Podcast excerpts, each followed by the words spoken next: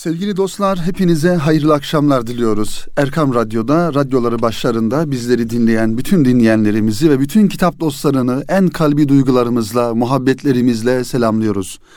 Kıymetli dinleyenlerimiz, yeni bir Kitap Dünyası programıyla ve yeni kitaplarımızla, yeni konularımızla tekrar huzurlarınızdayız. Ülke olarak önemli bir tarihin dönemecinde ve yeni bir 15 Temmuz'a yaklaşırken e, gerçekten geçtiğimiz yıl 15 Temmuz'u yaşayan insanlar olarak, ülke olarak kaybettiğimiz e, duygularımızı, kaybettiğimiz e, bir takım özelliklerimizi, güven duygumuzu ve e, içinde yaşamış olduğumuz o haleti ruhiyeyi 15 Temmuz itibariyle belki yeniden yaşayacağız. Yeniden o kötü günleri, o hiç yaşamak istemediğimiz o kötü günleri yeniden hatırlayacağız. Ama bir taraftan da bakacağız ki kendi ülkemizde, kendi vatanımızda, kendi toprağımızda olmanın ne kadar kıymetli, ne kadar ehemmiyetli olduğunu herhalde yeniden hatırlayacağız. Onun için sevgili dinleyenler bu programımızı bir yönüyle 15 Temmuz e, yaklaşırken 15 Temmuz'un yıl dönümü olması hasebiyle 15 Temmuz kitaplığı olarak hazırlanan e, ve 15 Temmuz'la alakalı yazılan kitaplarla ilgili sizlere bilgiler vererek buradan bazı kitapları sizlere inşallah kısa kısa aktararak tanıtarak programımızı başlatmış olacağız. 15 Temmuz gecesi yaşanan ve milletimizin destansı direnişiyle bastırılan darbe girişimi toplumumuzu birçok yönden olduğu gibi edebiyat, kültür, ve sanat alanlarında da elbette ki etkisi altına aldı. 15 Temmuz üzerine kitaplar çıktı, yazılar yazıldı, besteler yapıldı, şiirler söylendi, anıtlar yapıldı. Kitapların bazıları belki o meşhum hadisenin etkisiyle acele ve siparişle hazırlanmış gibi bazıları tarafını hemen belli etmek istercesine bazıları da gerçekten hassasiyetle üzerinde çalışılmış, detaylarına girilmiş, kaynaklara inilmiş ve bir sorumluluk hissiyle kaleme alınmış kitaplar oldu. Küçük boyutlu bir kitaplık oluşturacak sayıda 15 Temmuz kitaplığı baktığımızda geriye döndüğümüzde bir yıl içerisinde belki onlarca kitap yazıldı, yüzlerce makale yazıldı, binlerce program yapıldı ve bu hadise konuşuldu. Tabii geldiğimiz noktaya baktığımızda geldiğimiz noktada acaba değerlendirmelerimiz, bakış açılarımız, vardığımız sonuçlar ne kadar isabetli, ne kadar doğru onu da elbette ki zaman göstermiş olacak. Ancak e, şurası bir gerçektir ki kıymetli dinleyenlerimiz her e, önemli hadisede toplumların yaşadığı her önemli hadisede hadisenin arkasında e, mutlaka o hadisenin edebiyatı da oluşuyor. Bunlar gerek tarihi tarih kitaplarına, tarih kaynakları olarak giriyor. Gerekse edebiyat kitaplarında o hadisenin sıcaklığını, e, daha doğrusu acısını, e, duygusal boyutunu anlatan metinler olarak kitaplarımızda yerini almış oluyor. Kıymetli dinleyenlerimiz bu manada hazırlanan birçok kitap olduğunu ifade ettik. Bunlardan sizin için bir derleme yaptık. İlki baktığımızda kolektif Erdem yayınlarından çıkan ve Okçular Tepesi ismini taşıyan bir kitap. Erdem yayınları tarafından yayınlanan Okçular Tepesi isimli eser 15 Temmuz'daki destansı direnişin hikayelerini bizlerle buluşturuyor. Kitap Çengelköy, Saraçhane, Şehitler Köprüsü, Genelkurmay Başkanlığı, Türkiye Büyük Millet Meclisi ve Cumhurbaşkanlığı Külliyesi'nde yaşananları ki o bahsedilen mekanlar 15 Temmuz hadisesinin en yoğun bir şekilde yaşandığı ve insanların şehadet şerbetlerini içtiği ve o hainlere karşı e, bir yönüyle bedenleriyle direndikleri ve onların hain kurşunları neticesinde de şehit oldukları mekanlar dır bu bahsettiğimiz mekanlar kıymetli dinleyenlerimiz. İşte bu mekanlarda geçen hadiseleri Yıldız Ramazanoğlu, Suali Kemal Yazgıç, Çiğdem Tavkul gibi isimlerin kaleminden okuyucuya sunuyor e, Erdem yayınları.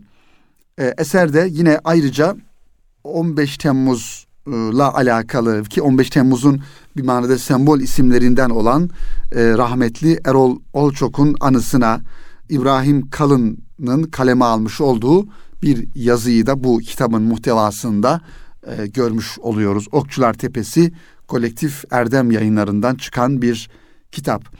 Bir diğer kitap bir belediyenin çalışması Cevat Akkanat'ın editörlüğünü yaptığı gerçekten de belki tür olarak e, diğer kitaplardan ayrılan özel ve önemli bir yeri olan bir kitap. Bu da 15 Temmuz Direniş Şiirleri Antolojisi. Bu kitabı e, Sultanbeyli Belediyesi yayınlamış kıymetli dinleyenlerimiz ve editörlüğünü Cevat Akkanat yapmış. 15 Temmuz'daki soylu direnişe ithaf edilen şiirler Cevat Akkanat'ın editörlüğünde Sultanbeyli Belediyesi'nin desteğiyle yayınlandı. Darbeye direnen şiirler başlığıyla yayınlanan antolojide İbrahim Tenekeci, İsmail Kılıçarslan, Cahit Koytak gibi isimlerle beraber tam 198 şairden 250 şiir bulunuyor. Bu kitapla alakalı sevgili dinleyenler, bu kitapla ilgili Sultanbeyli Belediyesi'nin kitabı sadece yayınlamakla, neşretmekle kalmayıp bu kitapla ilgili bir dizi program ve bir dizi şiir dinletileri, şiir buluşmaları e, yaptığını da biliyoruz. 15 Temmuz'u bu e, açıdan bir şairlerin gözünden nasıl göründüğünü anlatması açısından bu kitabı da önemsiyoruz. Efendim bir diğer kitap Eray Görgülü'nün Pusula yayınlarından çıkan 135 sayfadan oluşan 15 Temmuz en uzun gece ismini taşıyan bir kitap. Hürriyet gazetesi Ankara eki yazı işleri müdürü Eray Görgülü 15 Temmuz gecesi Ankara'da yaralanan gazilerin anlattıklarını bir kitapta toplamış. Darbe girişiminin İstanbul ile birlikte en çok zarar verdiği şehrimiz olan Ankara, o gece yaşanan birçok acıya da şahitlik etti.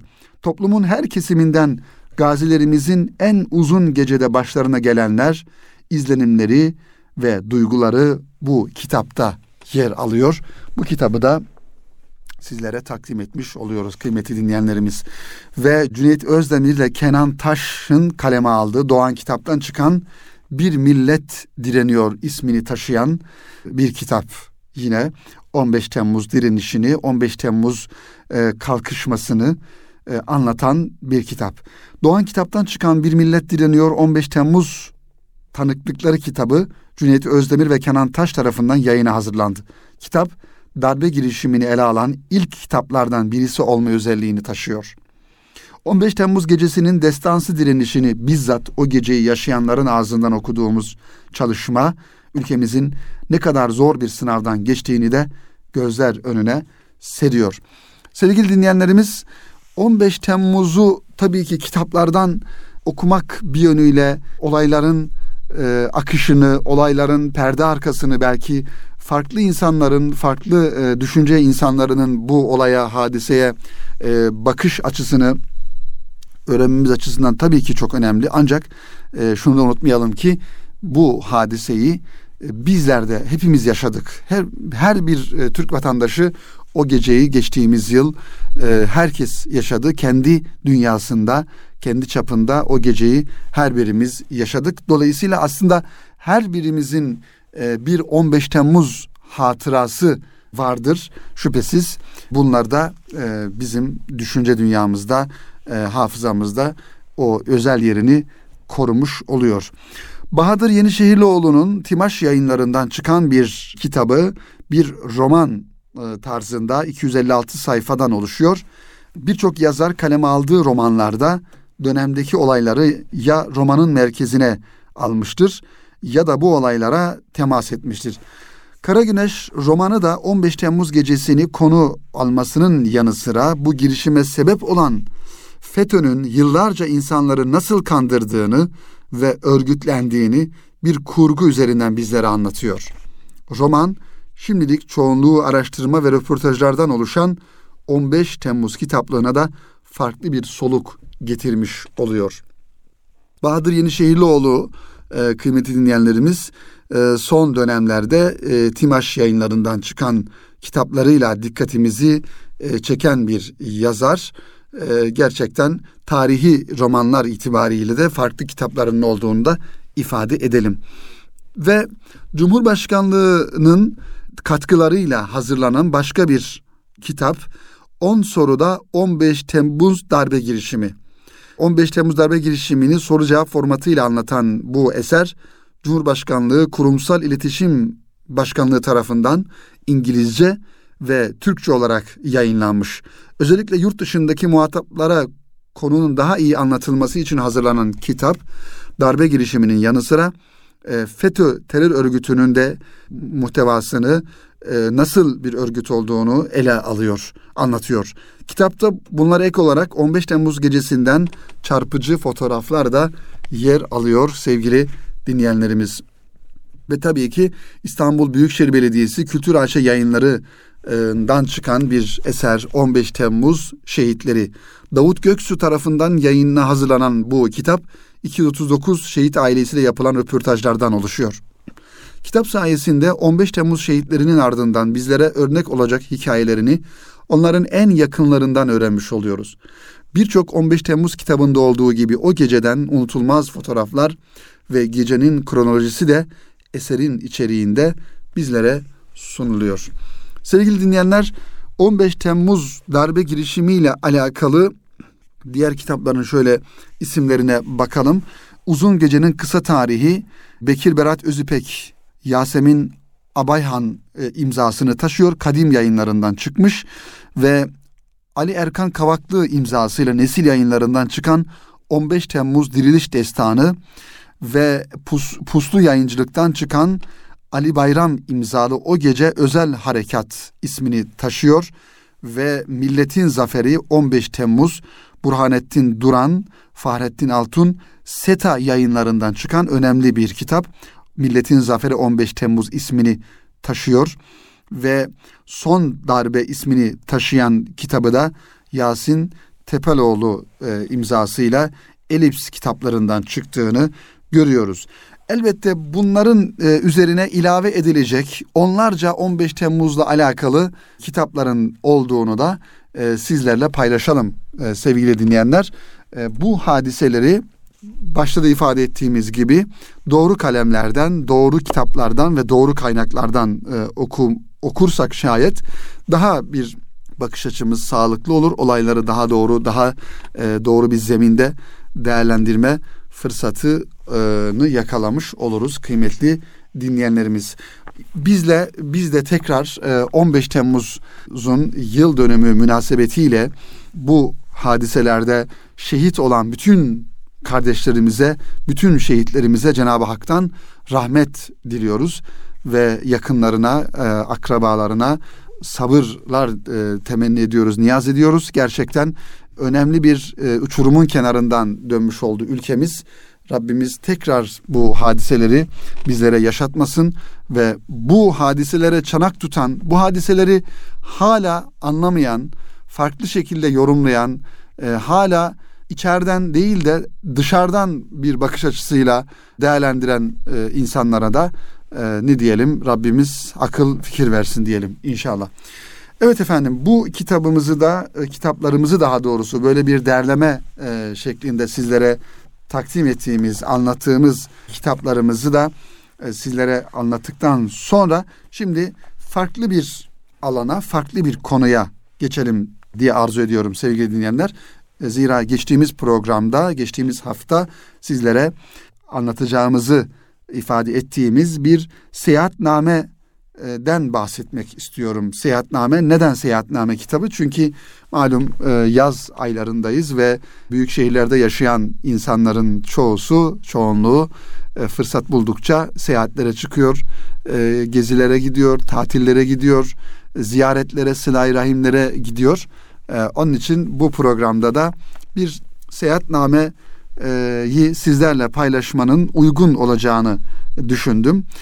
İbn Fatlan Nın seyahatnamesi Profesör Doktor Ramazan Şeşe'nin tercümesiyle Yeditepe yayınlarından çıkmış 180 sayfadan oluşuyor. Seyyah seyahatnamesini muhatabı olan okurlarının da bu bölgeyi görmediğini varsayarak yazar. Bu durumda okurlarının da kendisinin gördüğü şeyleri en az kendisi kadar kavrayabilmeleri için anlattıklarını bir resim veya bir tiyatro gibi tasvir etmesi gerekir. Bu yüzden seyahatnamelerin anlatıları bir roman, bir film kadar canlıdır. Seyahatname dediğimizde aklımıza gelen bize ait, bizim kültürümüze ait aklımıza gelen ilk isim şüphesiz ki Evliya Çelebi'dir malumunuz. Evliya Çelebi'nin seyahatnamesi bizim e, edebiyatımız içerisinde önemli bir yer tutar. İyi ki Evliya Çelebi öyle bir kitap yazmış. Gittiği, gördüğü, gezdiği, tanık olduğu, şahit olduğu olayları, şehirleri, hadiseleri e, iyi ki yazmış. E, gerçekten böyle bir e, materyale, böyle bir kitaba sahip olduğumuzdan dolayı da ayrıca mutluluk duyuyoruz. Bu e, bahsedeceğim kitaba geçmeden önce kıymetli dinleyenler bir parantez açarak şunu ifade etmek istiyorum. Geçtiğimiz günlerde Ahmet Hamdi Tanpınar'ın Beş Şehir isimli kitabı e, kütüphanemde vardı zaten. Şöyle bir karıştırayım dedim. Okumuş olduğum bir kitaptı. Eğer okumayanlarınız varsa mutlaka Ahmet Hamdi Tanpınar'ın Beş Şehir isimli kitabını da e, tavsiye ediyorum. Erzurum'u anlatıyor, Ankara'yı anlatıyor, İstanbul'u anlatıyor, e, Konya'yı anlatıyor bu kitaplarda Ahmet Hamdi Tanpınar.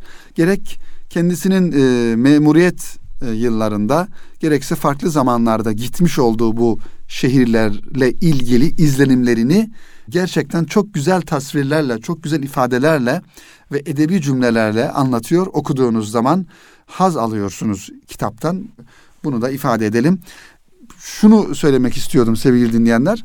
Ahmet Hamdi Tanpınar bir edebiyatçı ve memuriyeti dolayısıyla o şehirlere gitmiş. Osmanlı'nın son dönemleri Cumhuriyet'in başlarında ve o yılların e, mesela Erzurum'unu yazmış. O yıllarda Erzurum'un nasıl olduğunu, mimarisini, halkın e, yaşayış tarzını, geleneklerini dolayısıyla bir zenginliği taşımış günümüze. Belki bundan e, misal 100 sene önce yazmış bu eseri. 100 e, sene sonrasında bizler bu kitabı okuduğumuzda 100 e, sene önceki sosyal hayatın, bir şehir hayatının, bir mimarisinin, şehirlerin mimarisinin nasıl olduğunu canlı tanık olmuş insanın kaleminden okumuş oluyoruz. O yüzden gezi yazılarının ayrı bir ehemmiyeti vardır edebiyatta. Seyahat yazıları da bu kadar önemlidir.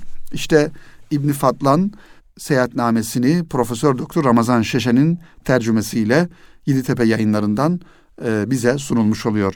Seyahatnameler yazının dışında herhangi bir kayıt aletinin henüz icat edilmediği zamanlarda ilgilendikleri coğrafya ve bu coğrafyada yaşayan kültürler hakkında geniş bilgiler verirler. Resmi kayıtlarda, arkeolojik buluntularda, müzelerde ve sahaflarda bulamayacağımız yaşayan insana, yaşayan kültüre ve yaşayan mekana dair bilgileri seyahatnamelerde buluruz. Seyahatnamenin temel amacı ziyaret edilen bir bölgeyi, bu bölgede yaşayan insanları ve kültürlerini, bu bölgeyi daha evvel ziyaret etmemiş ve belki de hiçbir vakit ziyaret etme imkanı bulamayacak insanlara bahsedilen bölgeyi her şeyiyle tanıtmak, anlatmaktır. Bu amaçla seyahatname yazarının yani seyyahın ciddi bir gözlem yapması ve yaptığı gözlemlerle sebep sonuç meselesinde değerlendirerek yazıya aktarması gerekir. Yani e, şunu, şunu anlıyoruz kıymeti dinleyenler. Seyahat yazısı kalemi elimize alıp e, şurada şunu yaptım, burada buraya gittim, e, şurada durdumdan ziyade aslında biraz gözlem ve biraz da değerlendirme ile alakalı. Yani gittiğiniz e, yerlerdeki e, oranın sosyo-psikolojik e, yönlerini, ekonomik yönlerini, belki siyasi yönlerini, oradaki insanların duygularını da o seyahatnameye e, aktarmak gerekiyor. Seyyahın seyahatnamesine yazdığı gözlemlerinin çoğu seyyahın daha evvel görmediği yani alışık olmadığı kendisine göre tuhaf gelen durumlardan oluşmaktadır. Dolayısıyla seyyah seyahatnamesini muhatabı olan okurlarının da bu bölgeyi görmediğini varsayarak kaleme alır. Seyyah, seyyah anlatımı canlı tutmak için kimi yollara baş, başvurmak zorundadır. Mübalağa ve benzetme bu yolların en başında gelir. Öyle ki bu anlatım biçiminden dolayı seyahatnamenin ne demek olduğunu ve kime yazıldığını anlamadan seyahatname okumaya kalkarak okuduğu seyahatname ve seyyah için cahilane yorumlar yapanlara da sıkça rastlayabiliriz. Yani seyahatnameyi yazan insanın da o kitabı veya o seyahatname yazılarını yazma niyetini kimin için yazdığını da bilmek o seyahatnameyi anlamak açısından önemlidir. Bu duruma düşmemek adına seyahatnameleri okumadan evvel seyyahın kendisi hakkında da bilgi sahibi olmak ve seyahatinin amacını bilmek gerekir. Zira turistik anlamda bir gezi ve bu geziyi yazı, fotoğraf, video gibi araçlarla diğerlerine anlatma merakı modern bir meseledir. Aslında seyyahların çoğu devlet görevlileridir ve tuttukları gezi notlarını e, yetkililere, kendi üstlerine sunulmak üzere hazırlanmıştır. Ki geçmişte yani geçmişteki tarihi anlamda baktığımızdaki seyahatnamelerin e, yazarlarının bu manada birçoğunun devlet görevlisi olduğunu ve devletler arası ilişkiler noktasında görevli insanlar olduğunu. Yani misal diyelim ki bugün Türkiye'den kalkıp farklı bir ülkeye o zamanki şartlarda karayoluyla giden e, belki bir evrak götüren, önemli bir haber götüren veya haber getiren ulaklar, haberciler bir manada sey- seyahatnameler bu insanların kaleminden e, çıkıyor ve bunlar da aslında tarihi birer vesika olarak günümüze kadar gelmiş oluyor. O yüzden kıymetli dinleyenler eğer içimizde seyahatname yazmaya ya da gezi notları daha doğrusu günümüz ifadesiyle gezi notları yazmaya meraklı dinleyenlerimiz, kardeşlerimiz varsa bu yönlerini hiçbir şekilde ihmal etmesinler ve e, mutlaka gezi yazıları kaleme alıp onları geleceğe, yeni nesillere birer tarihi vesika olarak bıraksınlar diyoruz kıymetli dinleyenlerimiz. Farklı yine kitapla alakalı farklı bir konuya inşallah temas ederek sizlerle bu konudaki düşüncelerimizi, duygularımızı paylaşarak e, devam edelim inşallah. Malumunuz e, kitap dediği denildiğinde e, akla gelen bir konuda e, sahaflardır. Özellikle İstanbul'da farklı mekanlarda, farklı semtlerde sahaflar dediğimiz yani e, kullanılmış, okunmuş, ikinci el diye ifade edilebilecek ya da eski sayılabilecek kitapların bulunduğu, satışının yapıldığı e, yerlerdir sahaflar. E, ve bu işi yapan insanlar da bu işin ayrıca meraklısı ve sahaflık mesleğini devam ettiren insanlar da bu bahsettiğimiz mekanlarda e, kendilerine has üsluplarıyla, duruşlarıyla bu işi devam ettiriyorlar. İşte bildiğimiz anlamda bir yayıncılık yayın evi e, mantığıyla e, yayınlanan kitaplarla beraber bir de e, bunların sahaflar boyutu var. Bu konuda inşallah bir takım duygularımızı, düşüncelerimizi sizlerle paylaşmak istiyoruz. Bu konuyu sizlerle paylaşırken geçtiğimiz haftalarda yayına çıkan, yayınlanan, ikinci sayısı yayınlanan Okur dergisinden e, Fatma Özkaya hanımefendinin bir yazısından da istifade etmek istiyoruz inşallah. Evet, az veya çok bazen ya da her dem sırayla yahut birkaçını aynı anda elbette hepimiz okuyoruz kitapların. Kitaplara bir yönüyle bu manada meftunuz. Kiminin ilk işidir kitabına tarih atmak, zamanı durdurmak istercesine, kimi bir bir çizer cümlelerin altını, zihnine kazır gibi. Kiminin hassasiyetinden okundum demeye bin şahit ister kitap. Kimi okur da konuşur kitabıyla, üzerine yazdığı her notla. Muhatap aldığı müellif midir yoksa kendisi mi bilinmez. Lakin o küçük notların değerine paha biçilmeyeceği kesindir. Okunduktan sonra elden çıkmış veya çıkarılmış her kitap artık ikinci el sıfatındadır ve şanslıysa yeri loş ışıklı, hoş müzikli, kitap kokulu bir sahaf dükkanıdır. Kitap sevgisinin de enleri varsa şayet bunu sahaflara bırakmak gerekir. Biz meftunsak onlar mecnun gibi bağlıdır kitaplara. ömrünü buna adamış olmanın başka izahı herhalde mümkün değildir. Çünkü sahaflık kitap aşkından öte duyguyla kitaplarla hemhal olma, kitaplarla bir hayat sürdürme sanatıdır belki de. Birinci el dediğimiz yani basılmış kitapları temin etmek için birçok seçeneğimiz vardır. En basiti tek tıkla yeni ifadeyle tek tıkla kapımızda beliriyor verdiğimiz siparişler ve kitaplarımız. Popüler kitap mağazaları, kırtasiyeler ve hatta süpermarketlerde bile rastlıyoruz kitaplara. Fakat hiçbirinde ne tarihe ne de altı çizili bir cümleye rastlamıyoruz. Daha da kötüsü market kasiyeriyle kitap üzerine bir iki kelam etmek elbette mümkün değil. Meyve seçer gibi edindiğimiz kitapları poşete koyup alıp gidiyoruz. Tam da bu noktada gözler önüne seriliyor. Bir sahafla içilen bir bardak çayın, o kısacık muhabbetin kıymeti harbiyesi. Ya müellif, ya kitap ya da muhtelif bir mevzudur konuşulan. Muhakkak vardır sahafın söyleyecekleri. Nitekim o tüccar değildir. Sıradan bir alışverişten fazlası olarak kitabı ürün sınıfından çıkarıp hakkı olan değeri kendisine geri verir.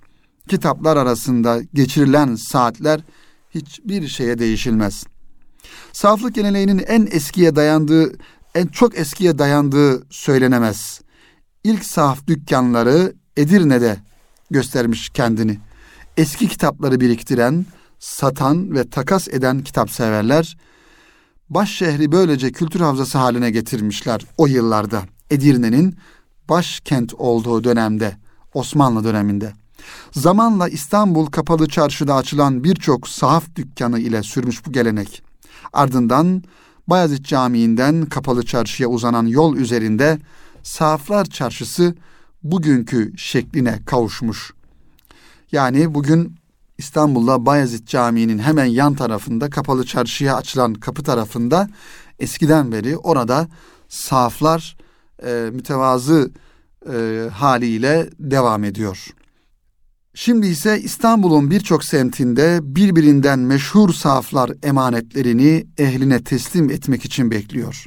Bugün dükkanların yanı sıra evini işine katmış seyyar sahafların da sokaklarımıza güzellik kattığı yatsınamaz bir gerçek.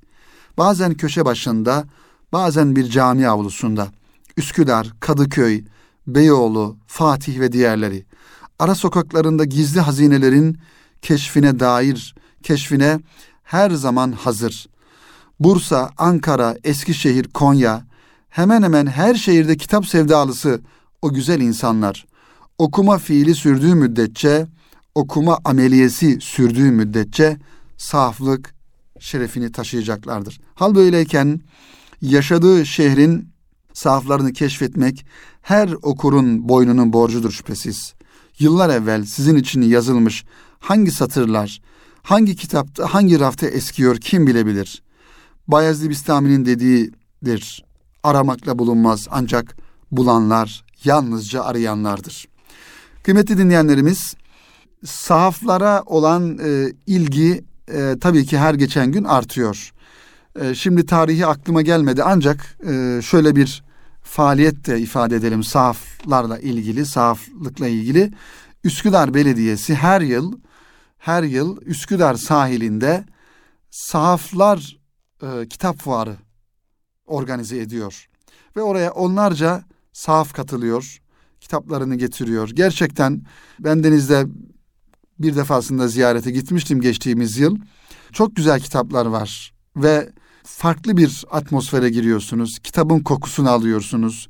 Teknolojiden, sosyal medyadan, sosyal medya mecralarından bir nebze de olsa uzak duruyorsunuz.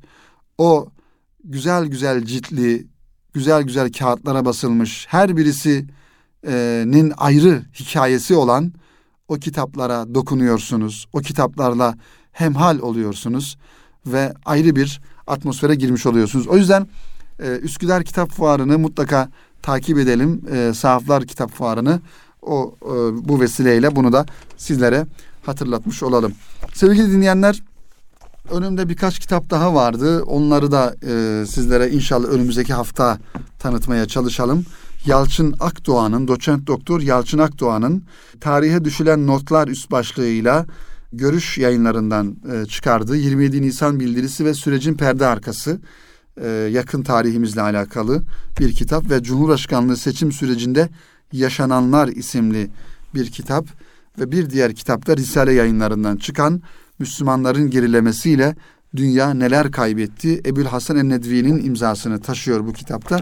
Bunları da inşallah önümüzdeki hafta e, Cenab-ı Hak nasip ederse e, sizlere e, anlatmaya çalışırız, aktarmaya çalışırız ve bunlara ilaveten de elbette ki diğer farklı kitapları da sizlere aktarmaya çalışırız kıymetli kitap dostları. Efendim bu haftalık bizden bu kadar. E, bir 15 Temmuz kitaplığının hatırlatmasını yaptık sizlere ve 15 Temmuz'da şehit olan şehitlerimizin arkasından onları en güzel şekilde hayırla yad etme e, noktasında ki 15 Temmuz biliyorsunuz artık bir anma programı o gün şehitleri anma programı olarak ilan edildi ve o gün bütün ülke olarak bütün bu ülkenin vatandaşları olarak belki farklı farklı programlarda, farklı farklı etkinliklerde bu e, elim hadiseyi hep beraber anmış olacağız. Böyle bir hatırlatma yapmış olduk programımızın birinci bölümünde ve bu e, hadiseye dair 15 Temmuz olayına dair yazılan kitaplardan sizlere bahsettik. Sonrasında da e, Seyahatname İbni Fatlan'ın seyahatnamesinden bahsettik ve programımızın ikinci bölümünde de sahaflardan bahsettik sevgili dinleyenler. İnşallah umarız bu anlattıklarımız e, sizlerin kitap kültürüne, hepimizin kitap kültürüne, kitap dünyamıza olumlu e, katkılar sağlamıştır diye ümit ediyoruz inşallah. Önümüzdeki hafta buluşmak ümidiyle efendim. Hepinize hayırlı akşamlar diliyorum. Hoşçakalın.